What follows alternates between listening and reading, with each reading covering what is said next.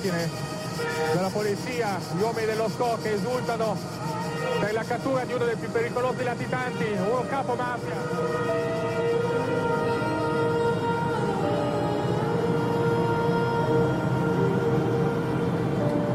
Jeg kører på en tyndslidt, sprukken asfaltvej på det indre Sicilien.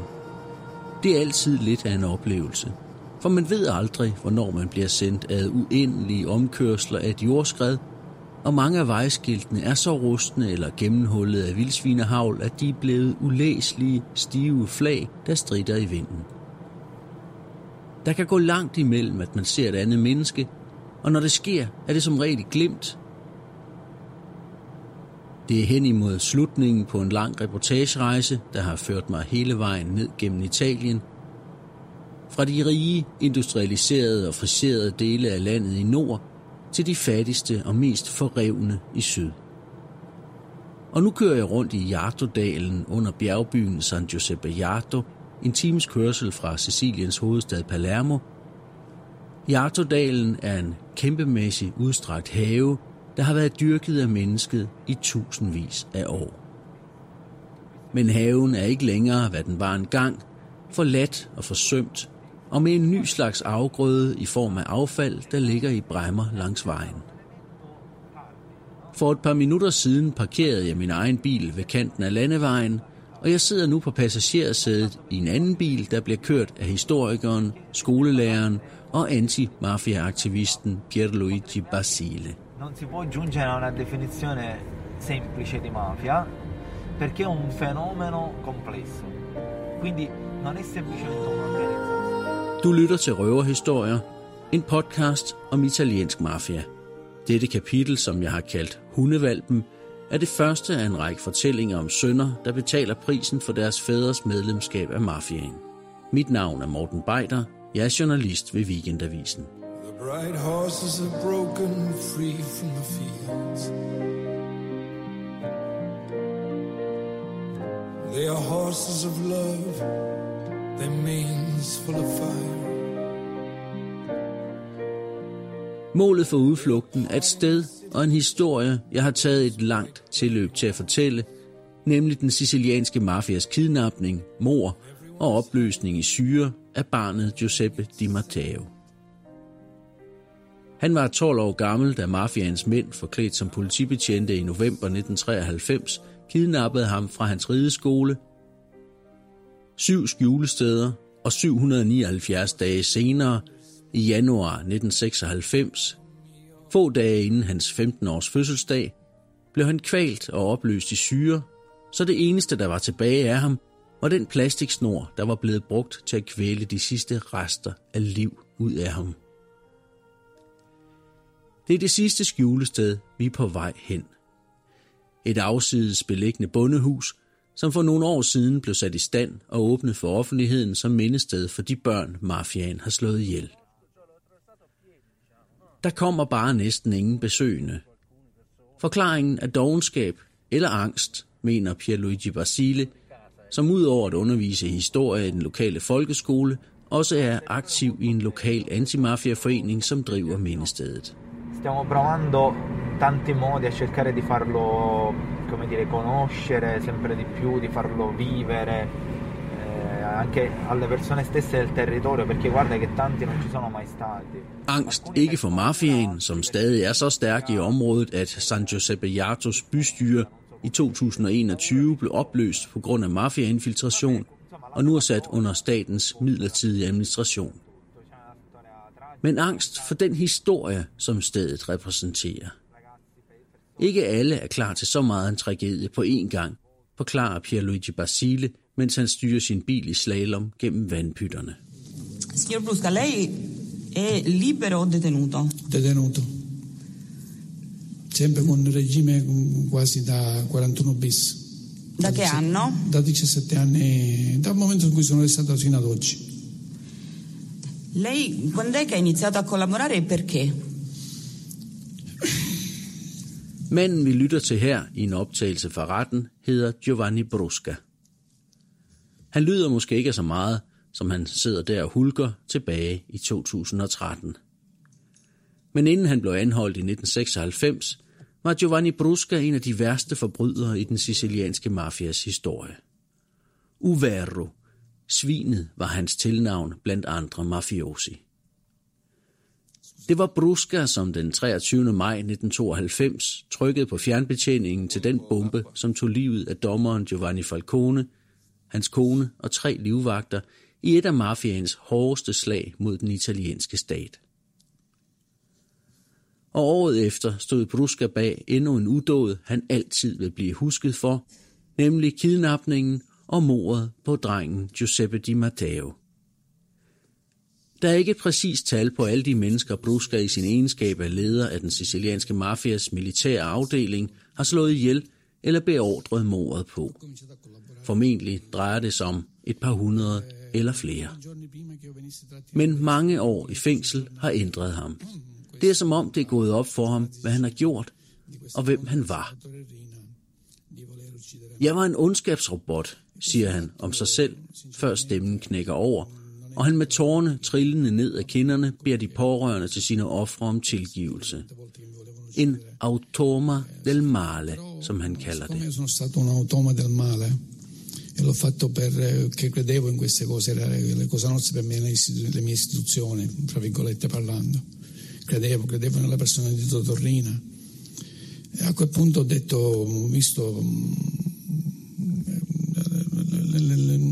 non vorrei usare parole aggettivi, è stato sconvolgente perché a un certo punto dico, ma sono diventato mostro, ma per chi, ma per quale motivo?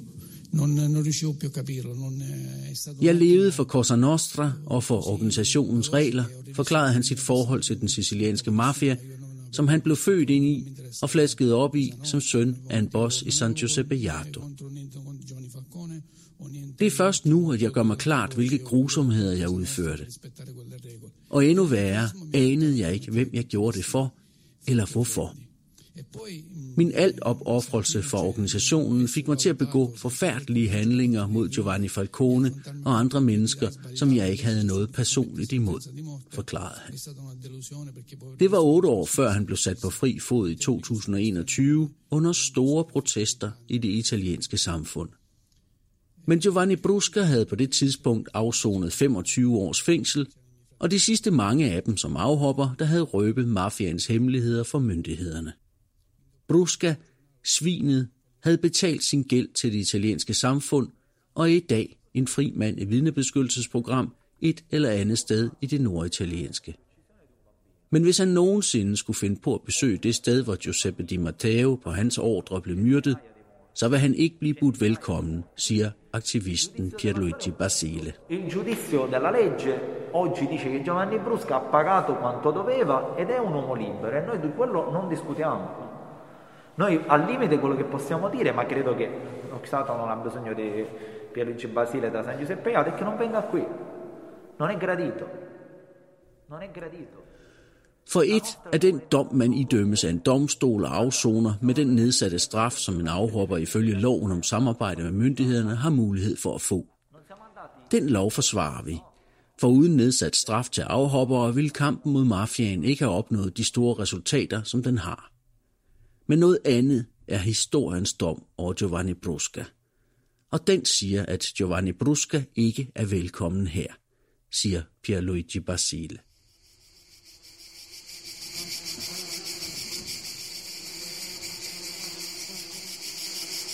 Det var midt i sommerheden i august 1995, at Giovanni Bruscas mænd førte den på det tidspunkt 14-årige Giuseppe Di Matteo til huset på landet, som blev hans sidste fængsel i en lang række af skiftende skjulesteder. Lidt over fire måneder senere faldt den endelige dom, som havde hængt over drengens hoved siden kidnapningen. Ucanuzzo, hundevalpen, som Brusca kaldte sin unge fange, skulle dø. Det var ikke lykkedes for Brusca at lukke munden på drengens far, mafiabossen Santino Di Matteo, som efter sin anholdelse var hoppet af og begyndt at samarbejde med myndighederne. Hvilket var et problem for mafiaen, for Santino Di Matteo var ikke hvem som helst. Han havde blandt andet været med i den inderkreds, som planlagde og udførte mordet på dommeren Giovanni Falcone og hans følge. og for at stoppe ham havde Giovanni Brusca beordret hans søn kidnappet og holdt som gissel.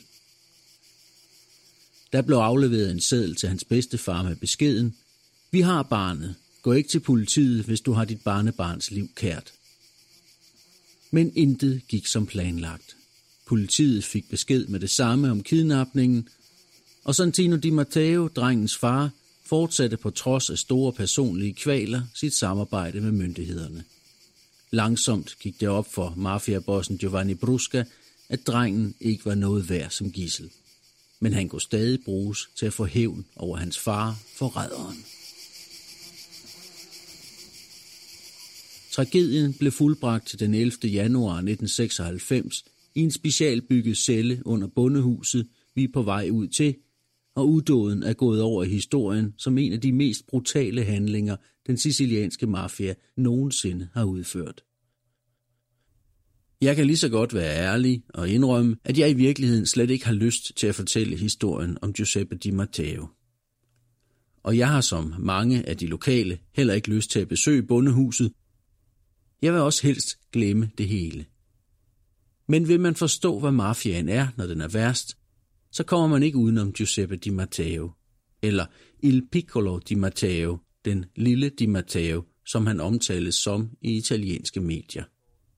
Som regel altid ledsaget af det samme billede af den unge dreng, der i sadlen på en hest er på vej hen over en forhindring, måske under et stævne, måske til træning på den rideskole, hvorfra han senere blev kidnappet. La mafia non ha codici d'onore, sono delle finzioni, è un'autorappresentazione che serve a spiegare fuori che non è barbarie cieca, violenza senza senso, segue una logica, no? ma è più un'autorappresentazione. Historien om Giuseppe Di Matteo er beviset på, at alt den snak om regler og æreskodexer, som mafiaen omgiver sig med, bare den måde mafiaen gerne vil se ud på i offentlighedens øjne, men at mafiaen i virkeligheden står for den mest rå og brutale, den mest afstumpede form for vold, der findes, og at den ikke holder sig tilbage med at bruge den over for dem, der står i vejen for den.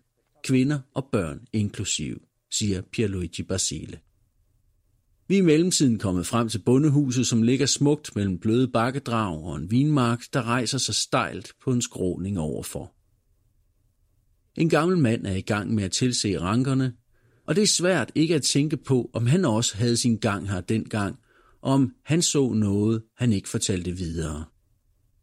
I hvert fald blev skjulestedet ikke opdaget før flere måneder efter Giuseppe Di Matteos død og anholdelsen af Giovanni Brusca og hans bror Vincenzo, som agerede fangevogter sammen med andre menige medlemmer af Brusca-klanen.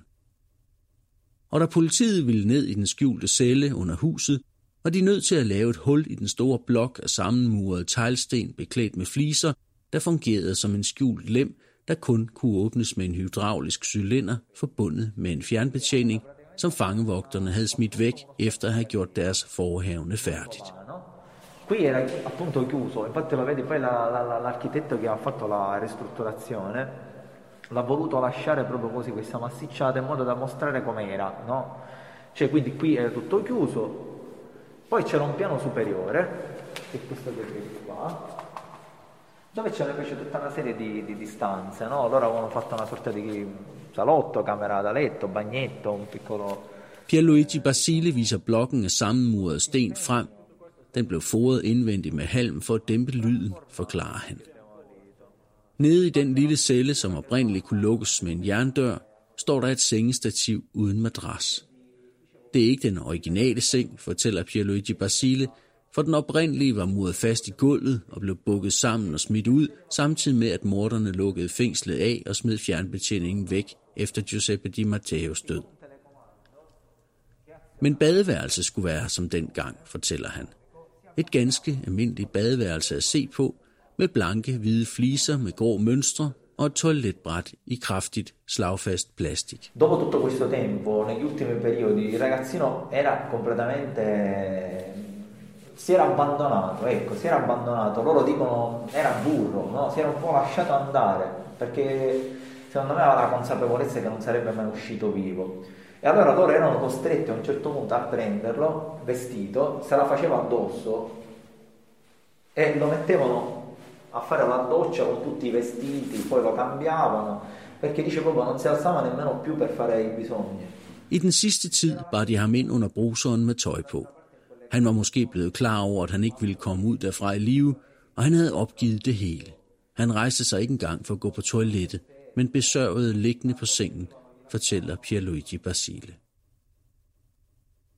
Hvad der nøjagtigt skete den aften Giuseppe Di Matteo døde, er nøje beskrevet af en af hans mordere, en 32-årig lokal mekaniker og mafiasoldat ved navn Vincenzo Chiodo, som kort efter mordet på Giuseppe Di Matteo blev anholdt og hoppede af. Eh, signor Chiodo, eh, volevo chiederle, intanto quella prima volta in cui lei con le persone che ha indicato prende in consegna e ospita il bambino incontrato a Giambascio, lei da chi riceve questi ordini, queste disposizioni di farlo?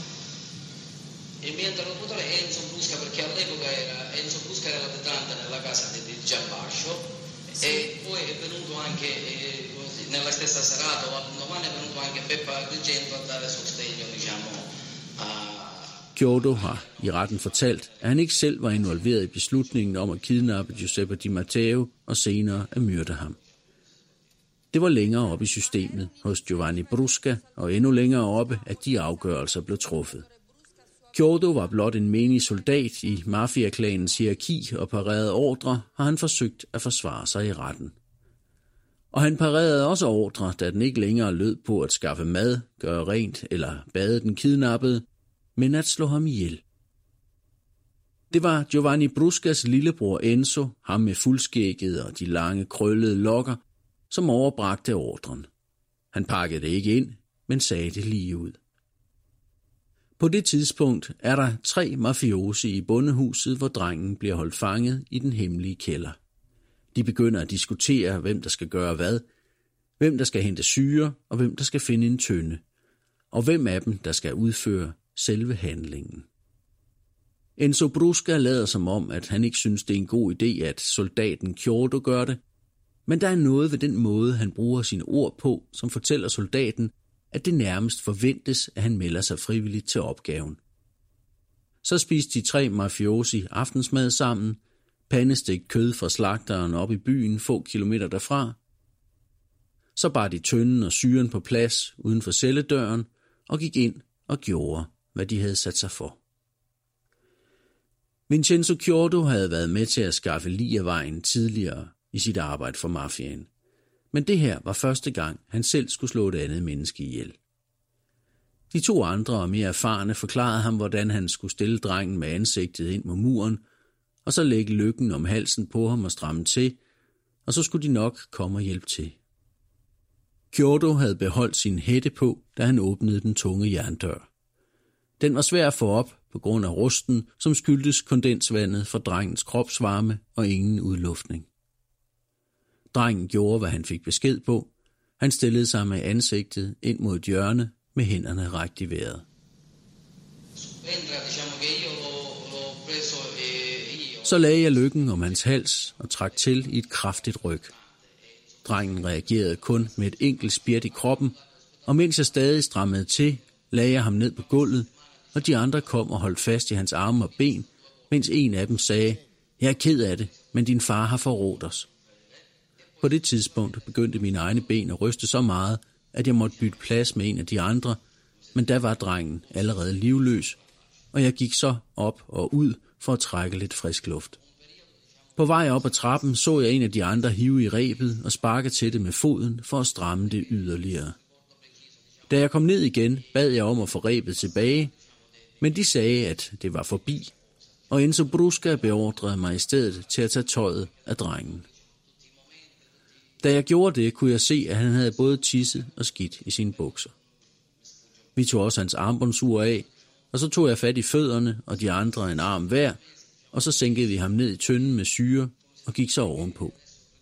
Der begyndte de andre at kysse mig på kinden og overøse mig med komplimenter for den måde, jeg havde håndteret opgaven på. Det var som, når man ønsker hinanden en glædelig jul. Så gik vi tilbage i køkkenet og fik en smøg og snakkede lidt mere, og efter et stykke tid blev jeg sendt ned i kælderen igen for at se, om syren virkede. Det gjorde den. Der var kun et ben tilbage og et stykke af ryggen, og jeg tog en pind og rørte lidt rundt, men på et tidspunkt blev dampene så stærke, at jeg måtte gå ovenpå igen. Så gik vi i seng for at sove.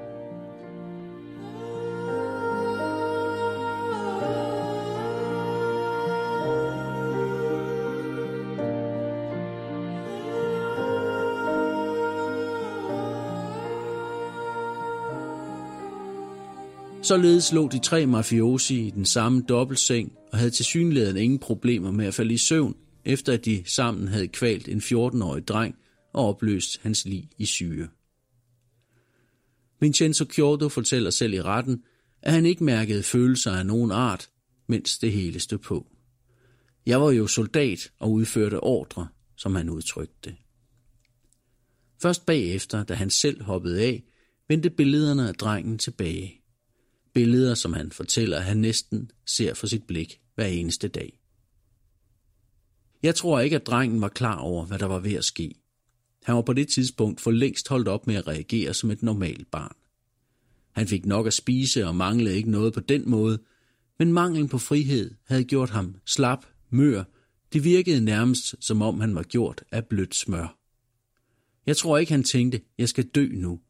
Jeg tror ikke, han opdagede det, fortalte Vincenzo Giordo i retten i 1998.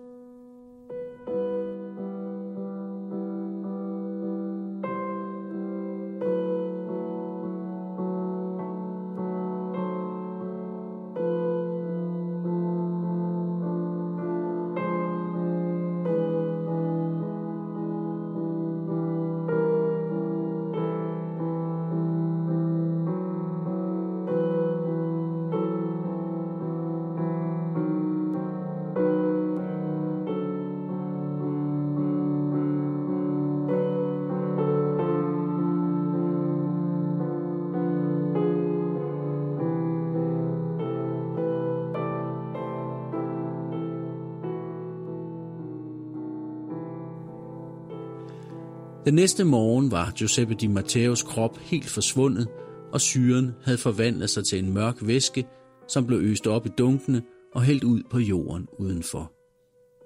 Der var kun det plastikgreb tilbage, som drengen var blevet kvalt med. Det fik Vincenzo Chiordo overragt som souvenir til minde om sit første mor på bestilling for mafiaen. Den madras, drengen havde ligget på, blev brændt sammen med hans tøj, og alt det resterende blev fordelt rundt i områdets affaldskontainere. Mens Enzo Brusca blev tilbage og sørgede for, at der kom pus på de rå vægge og fliser på cementgulvet, så alle spor blev slettet, forlod Vincenzo Chiordo stedet og vendte aldrig tilbage til det som mafioso. Få uger senere blev han anholdt og hoppet af, og efter 10 år i fængsel fik han en ny identitet og lever nu på fri fod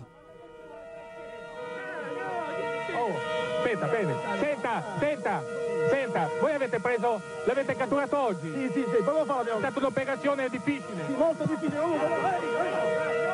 Også brødrene Bruska blev anholdt kort efter. Det skete i en villa i en badeby på det sydlige Sicilien.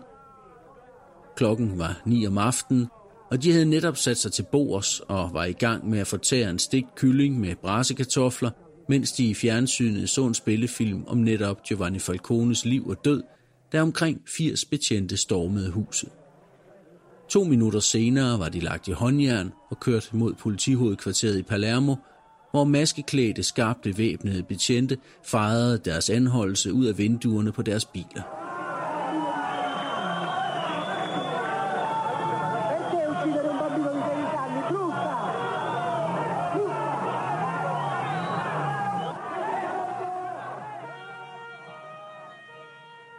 Da Giovanni Brusca og hans bror senere blev ført over politihovedkvarterets gård og proppet ind i en bil for at blive kørt til fængslet, blev de begravet i piften og skældsord. Hvorfor slog I et barn ihjel? var der en, der råbte. Brødrene vred sig i politibetjentenes greb. Med deres topmave og skækkede ansigter lignede de mest af alt et par trolde, der var drevet ud af deres hule og nu skulle klynges op. Jeg river hovedet af dig, råbte Giuseppe Di Matteos far til Giovanni Brusca, da deres veje senere krydsedes i en retssal. Men de lever alle sammen endnu.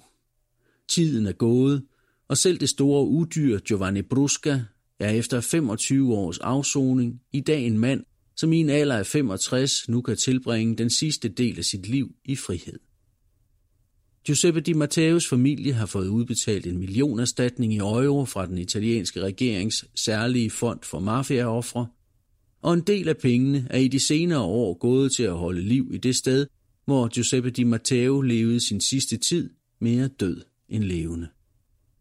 En overgang så det ellers ud til, at stedet ville forfalde og blive glemt, sådan som mange havde ønsket sig, men det bliver i hvert fald ikke lige forløbig, forsikrer Pierluigi Basile, som med foreningen Libere Sense deltager i driften og vedligeholdelsen af stedet. Huset fungerer i dag som en blanding af mindested, ikke blot for Giuseppe Di Matteo, men også for alle de andre børn, mafiaen har slået ihjel i årenes løb. 14-årige Giuseppe Letizia havde for eksempel været vidne til mafians mor på en fagforeningsleder i Corleone. Han blev gjort tavs med en giftindsprøjtning af byens læge, som også var mafiaboss. Det var i 1948. I 1963 blev den 13-årige Paolino Riccobono myrdet i en mafiakrig i Palermo, fordi han var søn af en af de rivaliserende mafiabosser. Så var der de fire drenge på 13-15 år, som mafiabossen Nito Santa Paula beordrede myrdet i 1976, fordi de havde stjålet hans mors håndtaske. I 1981 blev den 14-årige Palmina Martinelli brændt levende i byen Fasano, fordi hun havde nægtet at prostituere sig for en mafiaklan i den syditalienske region Puglia. I 1982 blev den 10-årige Simonetta Lamberti myrdet ved et attentat i Napoli, hvor hendes far havde været målet. Og sådan kan man blive ved, lige indtil 2004, det år, hvor listen blev udarbejdet og mindecentret åbnet for første gang. 45 navne i alt, inklusive Giuseppe Di Matteo, som altså hverken var det første eller det sidste barn, som blev slået ihjel af mafiaen. Og Pierluigi Basile fortæller, at listen desværre burde ajourføres hvert eneste år.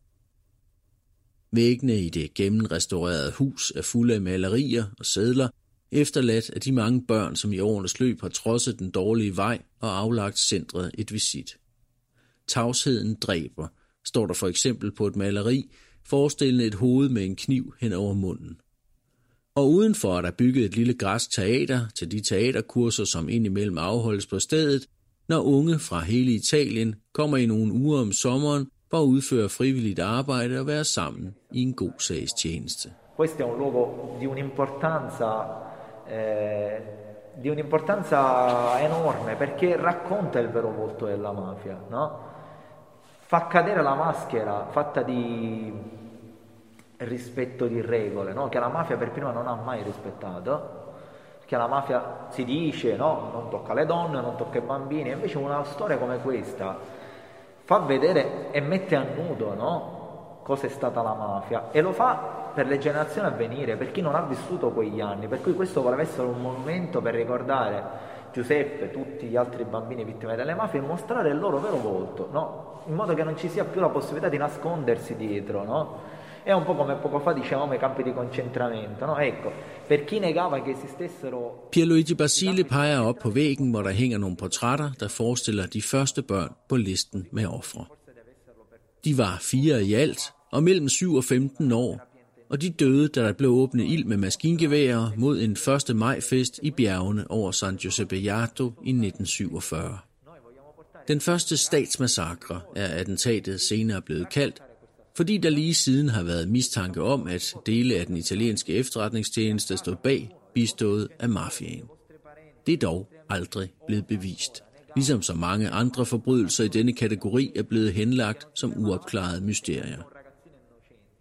Men uanset hvad, så er det vigtigt, at de nye generationer ikke glemmer, hvad der skete, så de kan være med til at forhindre, at det sker igen, mener Pierluigi Basile, der som nævnt også er historielærer i den lokale folkeskole. Jeg var selv barn, da Giuseppe Di Matteo døde. Og blandt de børn, jeg voksede op sammen med i San Giuseppe Jato, er der desværre nogen, som i dag sidder i fængsel, fordi der engang ikke var nogen, der fortalte dem, hvad mafiaen var for noget. Det er i bund og grund det, vi forsøger at gøre i dag med afsæt i dette sted. Fortælle, hvad mafiaen er bag masken af ære og respekt. Derfor har vi brug for dette sted, På samme måde som vi stadig har brug for at bevare koncentrationslejrene, så skeptikerne kan besøge dem og blive overbevist om, at det foregik i virkeligheden. På skolen havde vi et tema om de børn, der døde under 1. maj-festen, og det var rørende at se, hvor stort engagement eleverne lagde i arbejde, da det gik op for dem, at de børn, der døde den dag, var børn ligesom dem. Vi gravede alt det frem, vi kunne finde i skolens arkiver, karakterbøger, lærernes noter fra den gang, og pludselig stod børnene lyslevende foran os. Vi fandt endda en søster til en af offrene, som for længe siden var rejst væk fra Sicilien, og som ikke havde været tilbage siden. Men vi fik hende til at komme til det teaterstykke, eleverne lavede, og det var fantastisk at se, hvordan børnene tog imod hende, som var hun en af deres egne, fortæller Pierluigi Basile. Allora, guarda, una delle cose che ancora oggi ci sciocca è che la ragazzina, senza volerlo, l'ha chiamata per telefono e ha detto io sono Vincenzina. Perché rappresentava nello spettacolo Vincenzina, ma gli è venuto spontaneo, con la spontaneità di una ragazzina che entra nella parte, no? senza essere un'attrice, che gli dice a sua sorella io sono Vincenzina. Quella ha detto vengo Vincenzina. È venuta dalla Toscana con suo marito Selvfølgelig er det langt fra alle, der befinder sig inden for denne pædagogiske rækkevidde. Allora.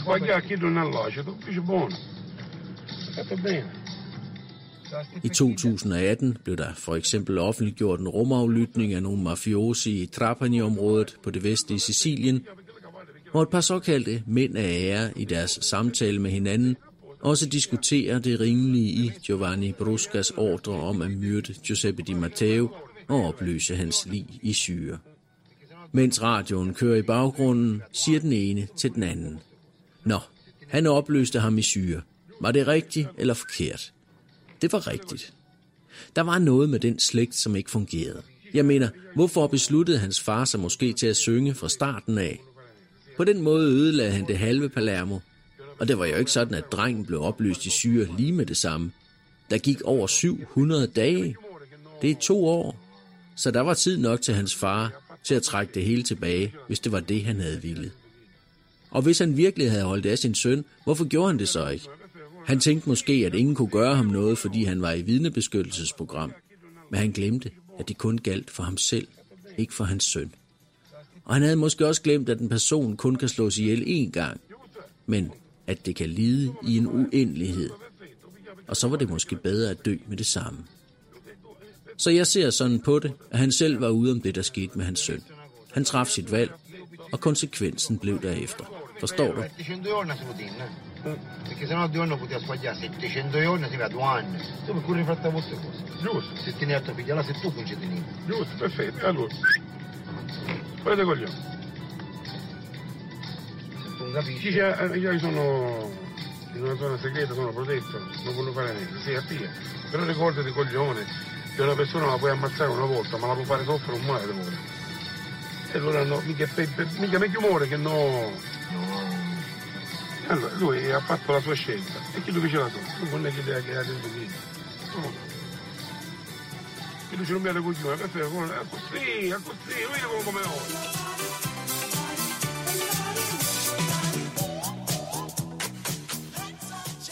Mens den unavngivende mafioso er i gang med at sige de her ord, er radioen godt i gang med at spille Michael Sagers gamle dansenummer Let's All Chant. Det, hvor refrænget blandt andet lyder Your body, my body, everybody move your body. Og når man lytter til det hele på samme tid, ordene der kommer ud af munden på mafiosoen og sangen, så virker det hele grotesk på et helt nyt plan.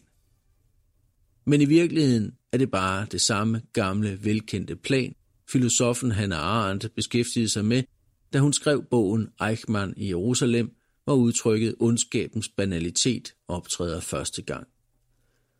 Eichmann var under 2. verdenskrig ansvarlig for deportationen af jøder til de nazistiske koncentrationslejre, og da han efter krigen blev opsnappet i Argentina af den israelske efterretningstjeneste og retsforfulgt i Israel, påstod han, at han ikke var jødehader, men blot havde fuldt ordre. Han blev også undersøgt af psykologer, som erklærede ham for værende fuldstændig normal. Ondskaben er altså ikke dæmonisk, som det ellers ville være rart at tro. Den er så normal, så banal, at den kan slå sig ned hvor som helst.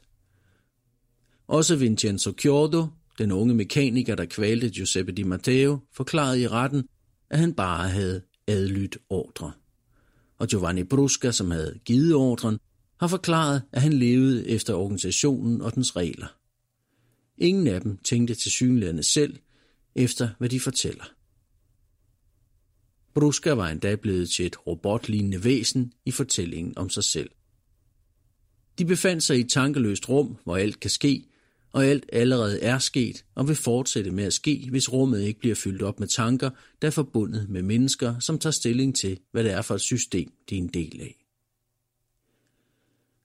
Pierluigi Basile har også læst Vincenzo Chiodos vidneudsagn igen og igen for at forstå, hvordan det kunne lade sig gøre. Eh, lui dice io eseguivo gli ordini.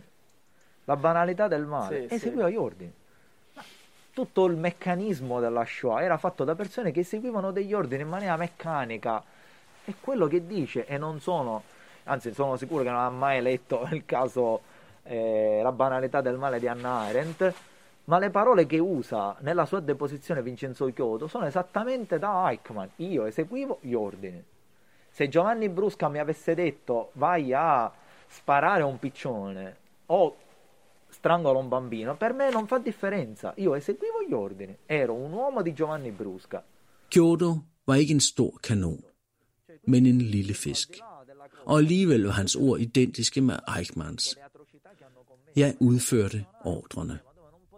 Om Bruska havde sagt, skyd en due eller kvæl et barn, så havde det ikke gjort nogen forskel for ham. For han var Bruskas mand, og han gjorde, som han fik besked på. Punktum.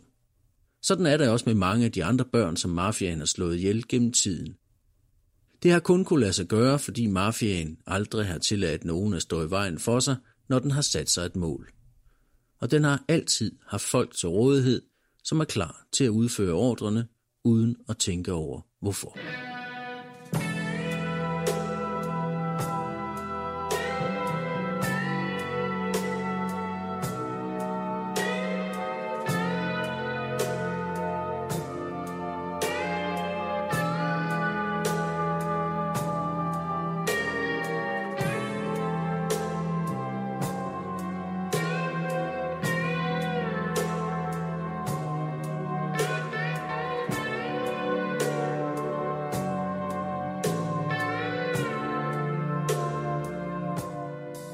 Til Røverhistorier, en podcast om italiensk mafia. I næste kapitel skal vi høre om en anden af mafiaens sønner, som endte sine dage på tragisk vis, da han gjorde oprør mod sin far og hans venner. Mit navn er Morten Beider. Jeg er journalist ved Weekendavisen.